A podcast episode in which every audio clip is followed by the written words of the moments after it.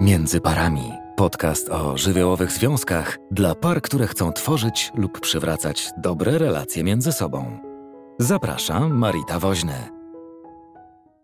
Witam Was w kolejnym odcinku podcastu Żywiołowy Związek. Dzisiaj będziemy mówić o wściekłości, o ukrytej złości. Chcę Wam opowiedzieć o tym, gdzie złość mieszka w nas, w jaki sposób się ukrywa, jaki to ma związek też z poprzednimi e, podcastami z cyklu Jak się poskładać po trudnym dzieciństwie i jak poskładać obraz rodziców. W poprzednich podcastach opowiadałam też o złości mężczyzn, która w różny sposób wymierzona jest i jest ukryta również. A w tych podcastach będę chciała koncentrować się trochę na kobietach. tak wszystko, co powiem, nie dotyczy tylko kobiet, ale w ogóle ludzi, człowieka, który mając kłopot ze złością, może ją transformować na różne sposoby i nie mieć świadomości tego, że ukrywa dokładnie te kawałki w sobie, a przez to blokowane są inne aspekty, emocje, sfery też jego życia. Zapraszam do słuchania. Strach przed wściekłością jest taką wspólną cechą bardzo wielu kobiet. Myślę, że dotyczy on większości naszego społeczeństwa. Jest to trochę związane z tym, że jeśli ojciec bywał opętany swoją wściekłością, albo matka bywała opętana swoją wściekłością, albo druga strona pozostawała bierna i dawała ciche przyzwolenie na to.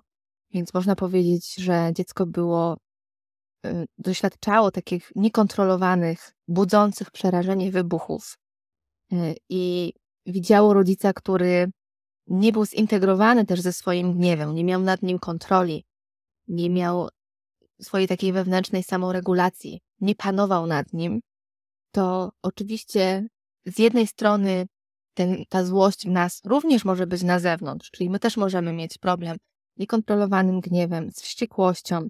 Z pewnością też nie będziemy mieć tej części zintegrowanej w nas, ponieważ nie mieliśmy wzoru, nie wiemy jak mamy to robić. W życiu dorosłym bardzo często zwłaszcza wtedy, kiedy pojawiają się dzieci i one zaczynają też swoją fazę doświadczania złości, wyrażania swoich granic, która dzieje się też od najmłodszych lat życia, zaczynamy też trochę im przeszkadzać w wyrażaniu zdrowej złości, często tłamsząc też ich złość, nie mając zgody na nią, nie radząc sobie e, z ich frustracją, bo też nie radzimy sobie z własną złością, bo nikt nam nie pokazał, jak sobie z nią radzić, w związku z czym to tworzy taki ciąg, łańcuch, w którym też możemy zobaczyć naszych rodziców, kiedy to im również nikt nie pokazał, jak radzić sobie z tymi emocjami.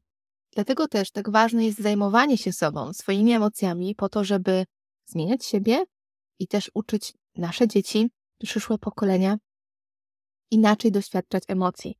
I tam, gdzie złość jest potrzebna, uczyć się ją wyrażać, stawiać granice w sposób, który jest zdrowy, nie jest krzywdzący dla drugiego człowieka i uczyć się też to rozpoznawać, ponieważ osoby, które są bardziej podporządkowane, które doświadczały właśnie takiej niekontrolowanej złości ze strony rodzica, albo po drugiej stronie rodzica, który nie oporuje, nie pokazuje, że tutaj kończą się też jego granice, tylko w jakimś sensie poddaje się temu, podporządkowuje się.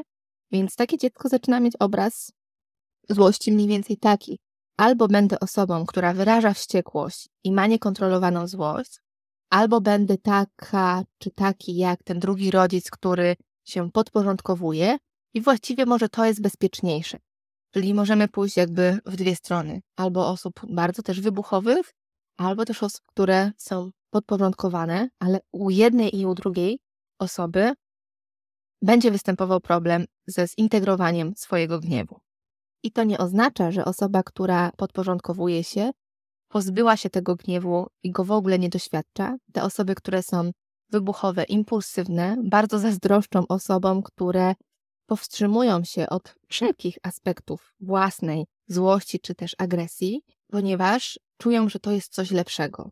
Z drugiej strony, osoby, które się podporządkowują i są tak zwanymi na przykład grzecznymi dziewczynkami, trochę zazdroszczą tym osobom, które stawiają granice i właśnie wybuchają i nie boją się mówić o złości.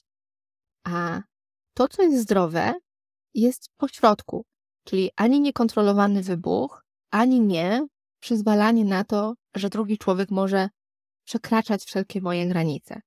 Problem jest taki, że osoby, które um, doświadczają przekraczania granic, one orientują się dużo, dużo później. W sensie nie czują tego, że ktoś w ogóle te granice przekracza. Też doświadczają potem wybuchów, które są spowodowane już zbieraniem złości, yy, której boją się po prostu wyrazić, albo ta złość zaczyna mieć zupełnie inne ujście i o tym chcę Wam właśnie teraz opowiedzieć. Kiedy brakuje nam samokontroli i brakuje nam asertywności, to mamy różne drogi do wyrażania tej złości, te, o których powiedziałam.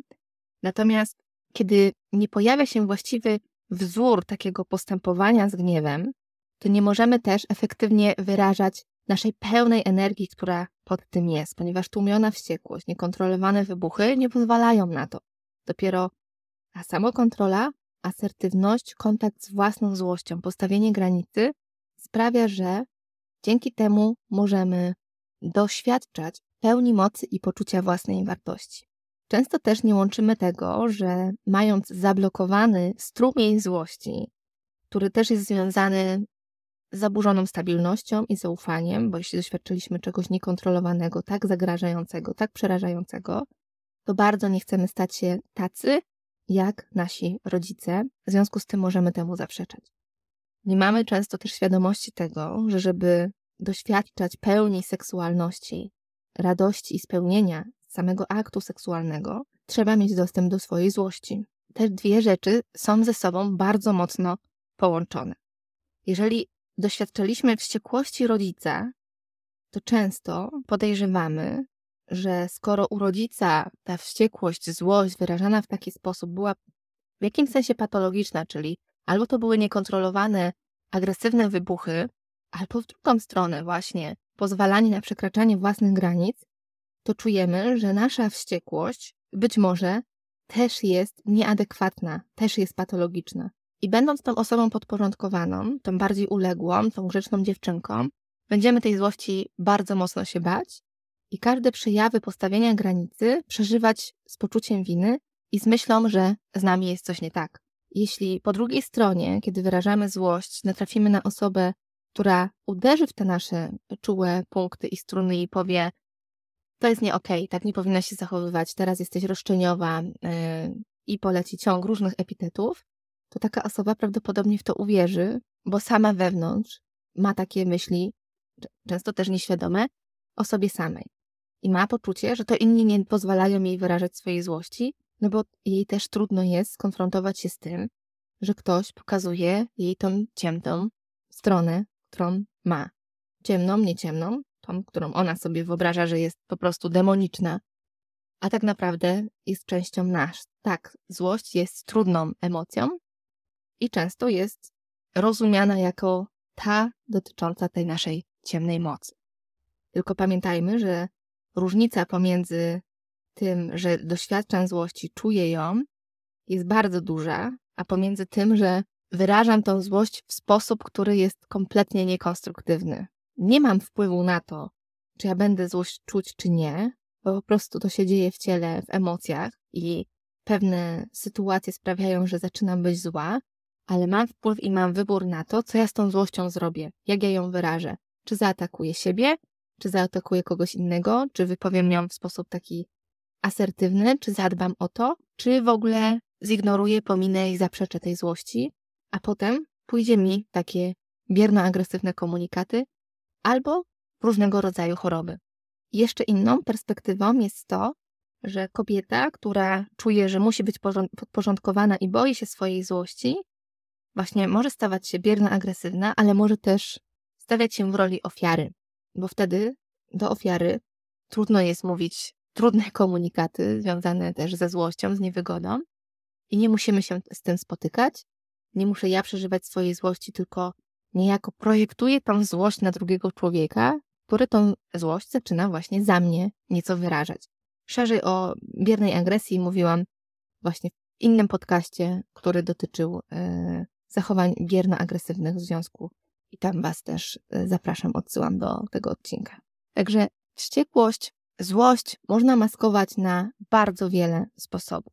Jeden z nich, o których, jednym z nich, e, o którym powiedziałam, jest taka postawa grzecznej, podporządkowanej dziewczynki, czyli obawa przed e, własnymi granicami, mm, sposób takiego dostosowywania się do innych, bycie miłą powierzchownie i widzenie siebie jako kogoś bardzo, bardzo życzliwego. Jakby nie neguję tego, że też ta życzliwość tam jest, ale bardzo często złość jest zamieniana na życzliwość.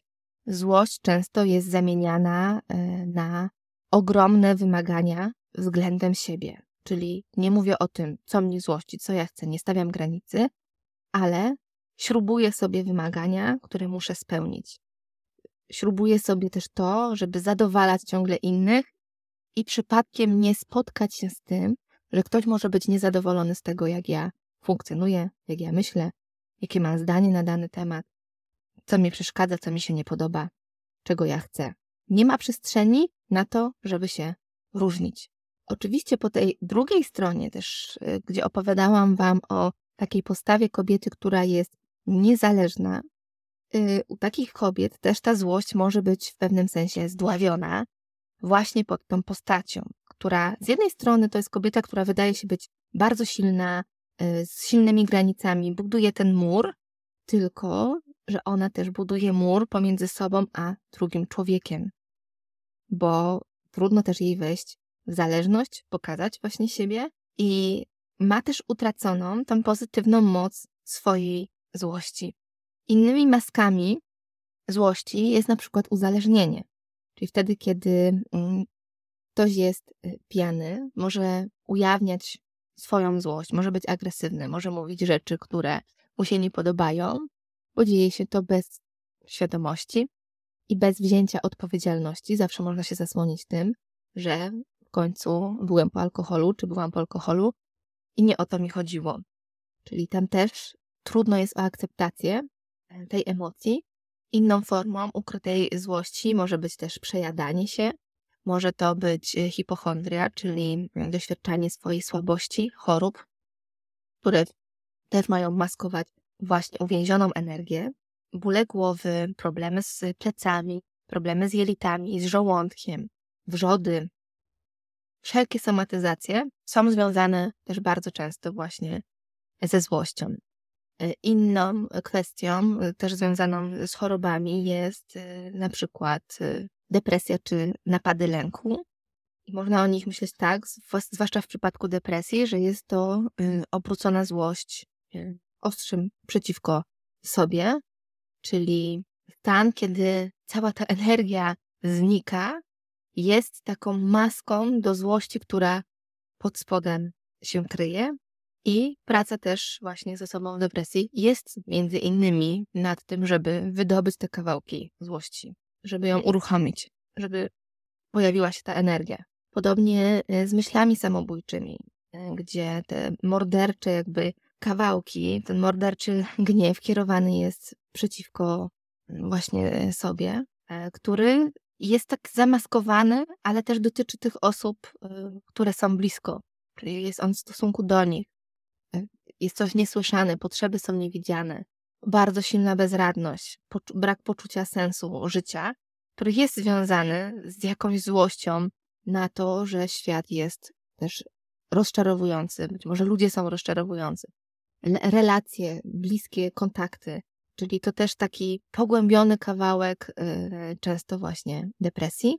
W przypadku napadu lęków, one też mogą być taką maską dla gniewu, która obezwładnia tą osobę i trzyma ją właśnie taką bezradności, trzęsącą się, obawiającą, nie mającą właśnie dostępu do y, swojej złości.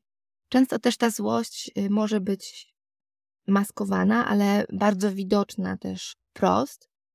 Tak jak to w przypadku mężczyzn w poprzednich podcastach Wam opowiadałam, tak też kobiety mogą mieć taką dewaluującą postawę względem mężczyzn poprzez różne stereotypowe powiedzenia, czyli że mężczyzna jest tylko do zapewniania pieniędzy, czyli taki rodzaj odwetu, który kobiety czują, że e, otrzymują, będąc w takiej pozycji zależnej z mężczyzną.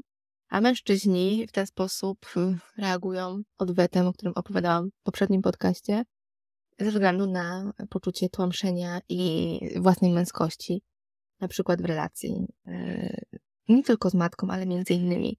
Czyli wzajemnie wymieniamy się tym gniewem, atakujemy siebie, nie ma przestrzeni na rozumienie, skąd nam się to bierze, żeby móc zatrzymać te kawałki. Jak mówiłam o kobiecie, która jest podporządkowana i tak się dostosowuje do innych, to mm, też powiedziałam o tym, że poczucie winy, które pojawia się po wyrażeniu złości, jest bardzo silne. I to obsesyjne poczucie winy często w ogóle blokuje zmianę. Czyli nie mogę tego zrobić, bo za każdym razem czuję się tak winna, że nie jestem w stanie w to wejść, nie jestem w stanie w to pójść, nie jestem w stanie przeżyć tego poczucia winy, bez świadomości i bez kontaktu z tym, że to ciągłe karanie siebie właśnie jest wyrazem też złości. Tak, czyli zadręczam się własnym poczuciem winy, karzę siebie poprzez to, że ciągle siebie krytykuję. I krytykuję siebie, mam poczucie winy względem siebie i to jest moja ochrona przed wyrażaniem złości względem tego, co rzeczywiście ją wzbudza. Inną maską e, jest na przykład stosowanie takiego uwodzenia seksualnego. Trochę też o tym opowiadałam w przypadku e, postaw mężczyzn względem związku w tym podcaście, ale dotyczy to też kobiet, czyli e, uwodzę drugą osobę i w ten sposób też wyrażam swoją złość czy gniew. Nie wchodzę w te związki, nie wchodzę w zależność, e, nie tworzę relacji, porzucam, nie mając kontaktu ze złością, nie mając kontaktu z tym, że mogę karać w ten sposób osoby, z którymi się wiążę, a tak naprawdę dotyczy to przeszłości i relacji z kimś właśnie z innej historii, typu na przykład matka czy też ojciec. Oczywiście ta maska mm, złości i sprawianie takiego poczucia, że jestem bardzo asertywną osobą i sobie świetnie radzę i nie ruszają mnie krytyki i różne y, trudne komunikaty ze strony innych, to też jest rodzaj właśnie maskowania tej złości. Ja nie mówię o sytuacjach, kiedy ktoś ma to przepracowane, kiedy ma z tym kontakt, tylko trochę się odcina od tego, właśnie w takiej czasami bezczelnej postawie, która jest na granicy między asertywnością a agresywnością. Czyli wtedy, kiedy y, ktoś mówi, ja już taka jestem, albo ja już taki jestem, ja tego nie zmienię. I trochę inaczej to brzmi, kiedy mówię to w sposób wyższościowy, przekonany o, jestem przekonana o swoich racjach, takiej postawie właśnie bardzo z góry, patrząc na drugiego człowieka, nie biorąc pod uwagę jego emocji. A inaczej to brzmi, kiedy mówię do drugiego człowieka to, że no ja tak mam, taka jestem i trudno mi to zmienić, zrobić inaczej, ale biorę pod uwagę to, co do mnie mówisz, słyszę to, widzę Twoje emocje z tym związane. Czyli nawet to samo zdanie może brzmieć inaczej wtedy, kiedy mamy kontakt tymi emocjami, wtedy, kiedy go też nie mamy. Z tego e, kawałka bardzo łatwo też jest wejść w postawę mm, ja wszystko wiem, wszystko wiem lepiej. Czyli też zaczynam być agresywna względem drugiego człowieka, ponieważ widzę go e, niżej, może rywalizuję też jednocześnie, ale stawiam kogoś w gorszym położeniu. Widzę go jako głupiego, e, niemądrego, kogoś, kto nie zna się na czymś, kogoś, kto nie jest inteligentny, tak? kto nie jest mądry. Jednocześnie wcale nie muszę tego e, mówić tej drugiej osobie, tak? Czyli ty jesteś głupi, ty w ogóle nie myślisz. Mogę to robić właśnie w bardzo taki zamaskowany sposób i mówić na przykład no, próbuję z tobą porozmawiać, no ale nie ma takiej inteligentnej rozmowy, żebyśmy mogli to wyjaśnić. Tak? Albo ty się na czymś nie znasz, ja tobie to próbuję wyjaśnić, albo ja to zrobię za ciebie, bo przecież ty nie będziesz wiedziała, jak to zrobić. Czyli z góry zakładam, że ktoś jest w tym gorszym położeniu, bez wiedzy, bez możliwości zobaczenia, zrozumienia czegoś. Nie schodzę do takiego poziomu, żebyśmy mogli spotkać się na równi i nawet jeśli rzeczywiście tak jest, że na przykład mam większą wiedzę i większy kontakt z emocjami, to nie muszę się stawiać wyżej, bo właśnie na tym to polega, że dzięki temu mogę zejść do poziomu emocjonalnego drugiej osoby i pomóc jej zobaczyć pewne rzeczy, ale nie dlatego, że ona jest gorsza, tylko że mamy różne umiejętności w różnych aspektach i za chwilę to ona może mi pokazać coś, czego ja nie jestem w stanie zobaczyć, będąc w postawie wyższościowej. Na przykład właśnie tego, tego, że tak traktuje drugiego człowieka z góry, w związku z czym yy, druga strona może nie mieć takiej umiejętności nazwania tego, pokazania, a nawet jeśli coś się dzieje, to często też jest zaprzeczony. W przypadku par bardzo trudno wtedy y, o porozumienie, kiedy wchodzimy w taki tanie. Złość ma bardzo wiele masek i żeby coś zmieniać, żeby ją w sobie zintegrować, to przede wszystkim trzeba ją rozpoznać i uwalniać, uczyć się strategii komunikacji, uczyć się konstruktywnej krytyki, przyjmowania tej krytyki, wyrażania siebie, swoich emocji, swoich potrzeb, uwalniania tej złości przede wszystkim z miejsc, w których ona się zagnieździła, zamieszkała w różnych częściach nas. Czyli najpierw trzeba to rozpoznać, ponieważ nierozpoznana złość wpływa na wszystkie nasze relacje. Albo w bardzo agresywny sposób, albo poprzez bierną agresję. Nierozpoznana złość, która wynika z negatywnych doświadczeń, na przykład u kobiety, z relacji z ojcem, może też uruchamiać się w takim doświadczeniu bycia w związku, czyli doświadcza tej samej emocji w związku z partnerem, ale siła tej emocji jest tak potężna, że partner nie wie w ogóle o co chodzi, że czuje, że to jest nieadekwatne, że z jakąś częścią może się zgodzić, ale ta druga część jakoś niekoniecznie jest z tej historii. Oczywiście może nie mieć takiego pomysłu, że to w ogóle nakładają się dwie historie ze sobą, czyli tworzymy ten most pomiędzy przeszłością a teraźniejszością. Nie jesteśmy w gabinecie terapeuty, żeby coś takiego sobie fundować też w normalnych, związkowych, codziennych sytuacjach, ale przerobienie tego sprawia, że może nam się pojawiać taka lampka, czyli osoby po terapii będą miały y, tego typu świadomość w sobie, będą miały takiego wewnętrznego terapeutę, który nie zawsze na czas, ale czasem i po czasie może nas poinformować o tym, skąd nam się taka złość właśnie pojawia i dlaczego ona jest tak silna, co nam się uruchamia, co przynosimy, co projektujemy. I wtedy łatwiej jest zdecydowanie rozmawiać, bo wtedy nie rozmawiamy już tylko na poziomie faktów, rozmawiamy też na poziomie więzi i tego, że pewnych rzeczy dla ochrony więzi nie jesteśmy w stanie zrobić, ponieważ żyjemy jeszcze kawałkami przyszłości. Nie zawsze to oznacza, że ta przyszłość jest jakoś niedomknięta, bo nawet po ukończonej terapii, chociaż ja twierdzę, że ta terapia tak naprawdę nigdy się nie kończy, kończą się spotkania w gabinecie psychoterapeuty, ale proces dalej trwa, tylko dana osoba ma już swoje własne wewnętrzne zasoby do radzenia sobie z różnymi sytuacjami, więc nawet po ukończonej terapii będą się nam odpalały różne mechanizmy, tylko po pierwsze zdecydowanie rzadziej, zdecydowanie mniej intensywnie i zdecydowanie lepiej będziemy sobie z tym mogli poradzić. I chodzi o to też, żeby łatwiej znosić gniew, który mamy w sobie i łatwiej znosić gniew, który druga osoba przeżywa z nami w relacji. O złości w związku, która nie rani. Nagrałam cały kombo materiał, który jest dostępny na sklep międzyparami.pl o złości w związku, która nie rani, czyli o mojej złości, o złości drugiej osoby, jak sobie radzić z tą złością, kiedy ta osoba też koniecznie chce pracować nad tym i o krytyce w związku. Odsyłam Was do tego e, materiału. Ale też chciałabym powiedzieć jeszcze jedną bardzo ważną rzecz, czyli mianowicie taką, że ta złość i wściekłość bardzo często e, przesłania łzy, czyli e, zasłania smutek. I tak jak w przypadku depresji, zaburzeń lękowych, bardzo często ten smutek jest bardziej na wierzchu, a złość jest ukryta.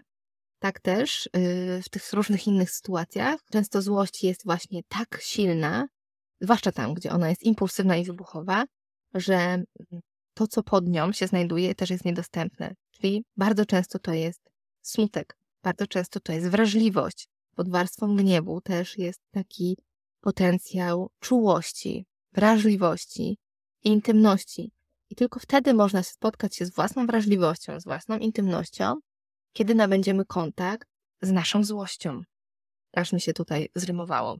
Czyli nasza akceptacja własnej złości gniewu otwiera nas na te przestrzenie. I kiedy otwieramy się na te przestrzenie, kiedy na przykład kobieta otwiera się na swoją złość, na, swoją gniew, na swój gniew, to bardzo często staje się też bliżej swojej kobiecości, bliżej swojej seksualności, zaczyna coś zmieniać w relacji, mężczyzna zaczyna z nią też czuć się inaczej w kontakcie, ona zaczyna doznawać większej satysfakcji z takiego kontaktu, z bliskości. Zaczynają pewne puzzle wchodzić na swoje miejsce, ponieważ doświadczenie złości pozwala na pełniejsze przeżycie e, i wyrażanie różnych uczuć na poziomie emocjonalnym, na poziomie fizycznym, pozwala na pełniejsze wyrażanie miłości.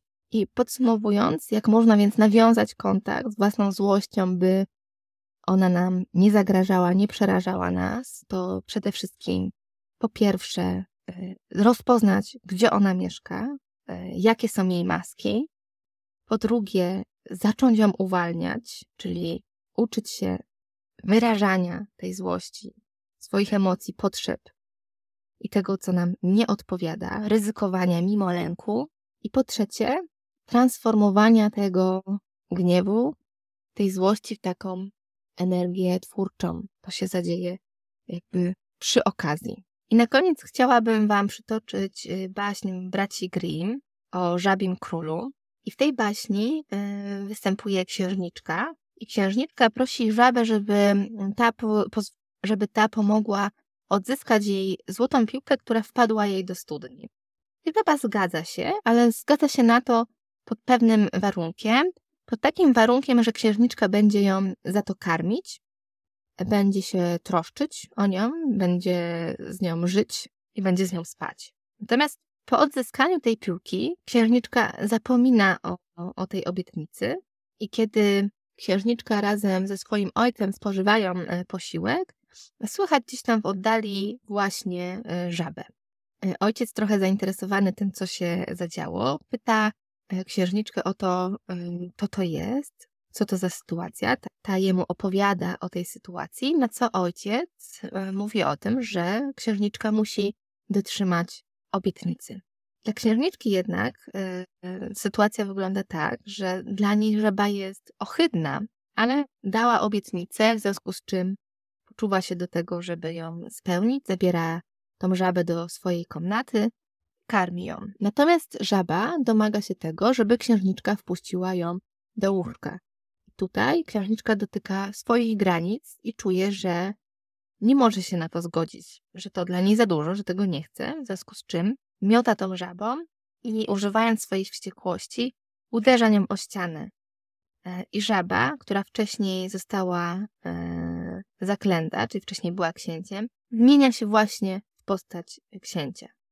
Czyli ta historia też pewnie pokazuje wiele różnych aspektów, e, ta baśń, natomiast pokazuje też o doświadczeniu pełni swojej mocy, która została wyrażona przeciw patriarchalnemu środowisku, kulturze, wychowaniu. I z pewnością w literaturze, w filmach mamy bardzo dużo e, historii, które pokazują nam, w jaki sposób gniew jest maskowany, niedoświadczany, odcinany. Ja Was zachęcam do szukania i doświadczania własnego gniewu i przetransformowania go w taką energię, która będzie Wam służyć. To tyle na dziś. Dziękuję i do usłyszenia. Jeśli chcesz posłuchać innych odcinków na temat psychologii związków, zajrzyj na międzyparami.pl. Jeśli masz propozycję tematu na kolejny podcast, wyślij wiadomość przez formularz na stronie.